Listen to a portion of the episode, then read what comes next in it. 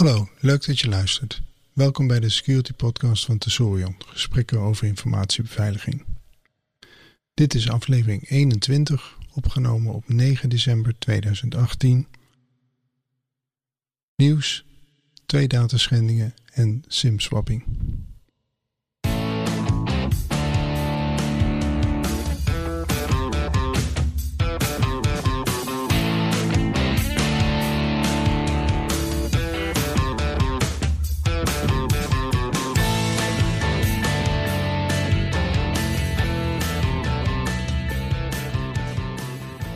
In deze aflevering twee grote dataschendingen en de rijzing van SIM-swapping.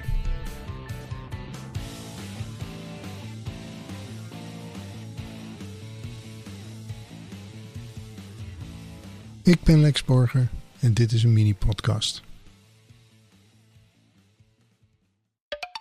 In de afgelopen week hebben we twee uh, grote dataschendingen gehad, data breaches. En die waren heel verschillend van uh, aard. Ik heb het over de data breaches bij uh, Quora en bij Starwood. En Quora was er eentje die heel snel uh, als bedrijf reageerde op de dataschending of op het bemerken van de dataschending. Ik kreeg zelfs een mailtje van hun voordat ik het nieuws had gelezen dat ze geschonden waren. En als je dus even de twee ten naast elkaar houdt. Quora zegt de, de data van 100 miljoen gebruikers is... Ja, moeten wat moeten we denken? Ze weten het nog niet exact, maar zeggen, laten we even zeggen, op straat eh, komen te liggen of mogelijk op straat komen te liggen.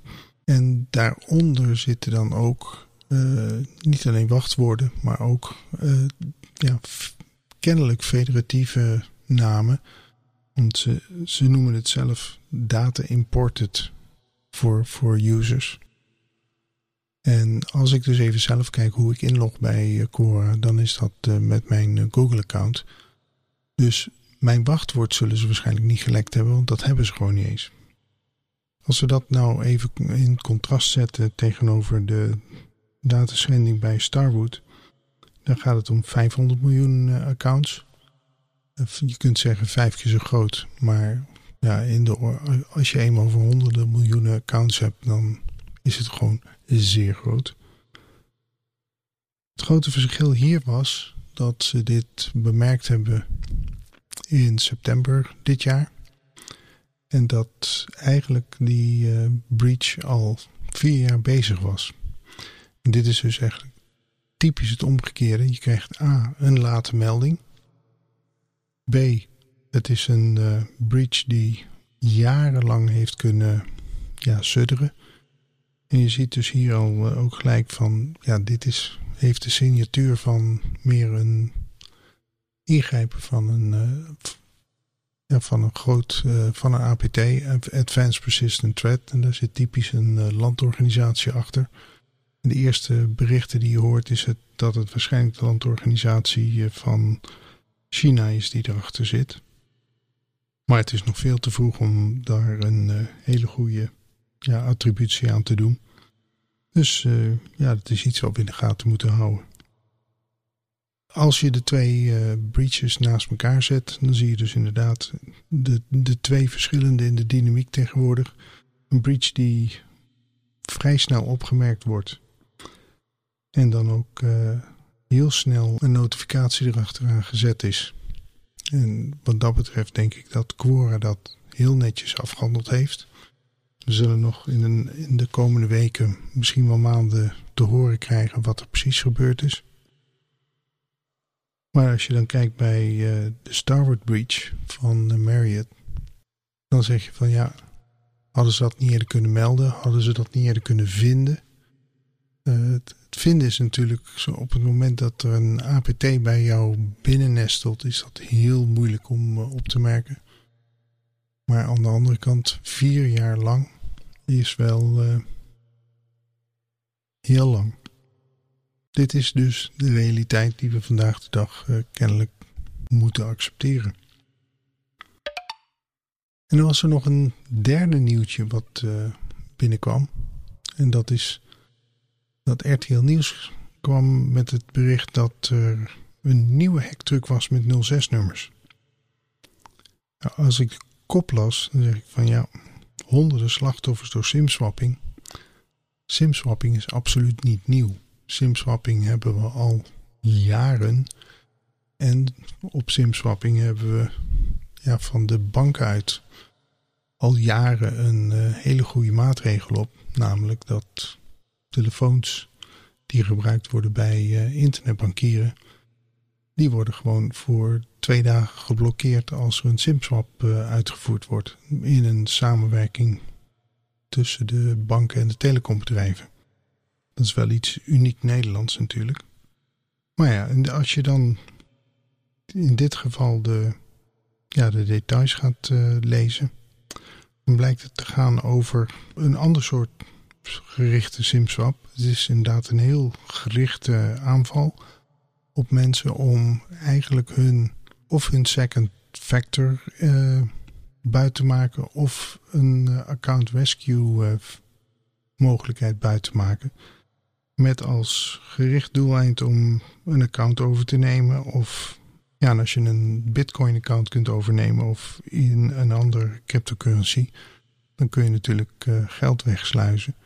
In andere gevallen kun je misschien een account overnemen wat een hele populaire naam heeft.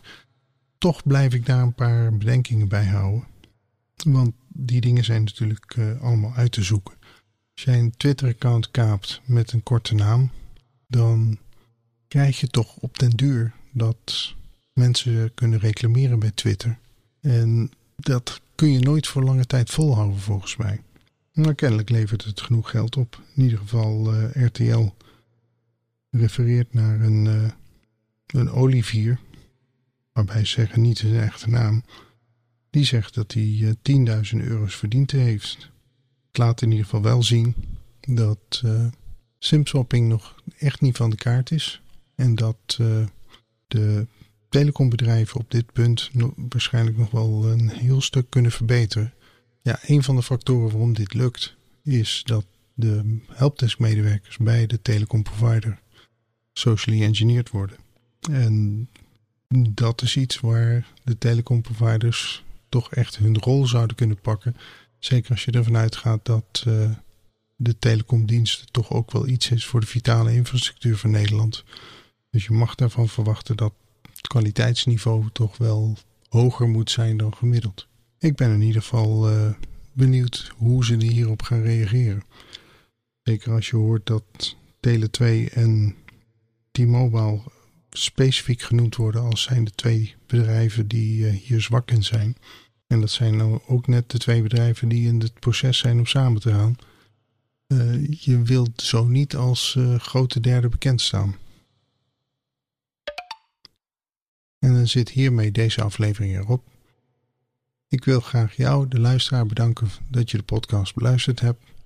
Mocht je willen reageren naar aanleiding van deze aflevering, stuur mij dan een bericht. Mijn Twitter-handle is @lexborger. Ik ben consultant bij i2i, een Tesorion-onderneming.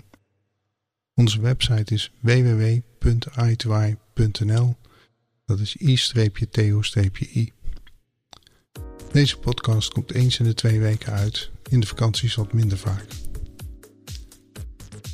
Afleveringen zijn te vinden als nieuwsitem op onze website. Je kunt je ook abonneren op de podcast via de feedlink https www.i2i.nl slash feed slash podcast. We wachten nog even op de verhuizing naar de Tesorion website om de podcast ook in Apple iTunes en Google Podcast vindbaar te maken. Daarover meer wanneer dit beschikbaar is. En dan sluit ik hierbij af. Tot de volgende keer.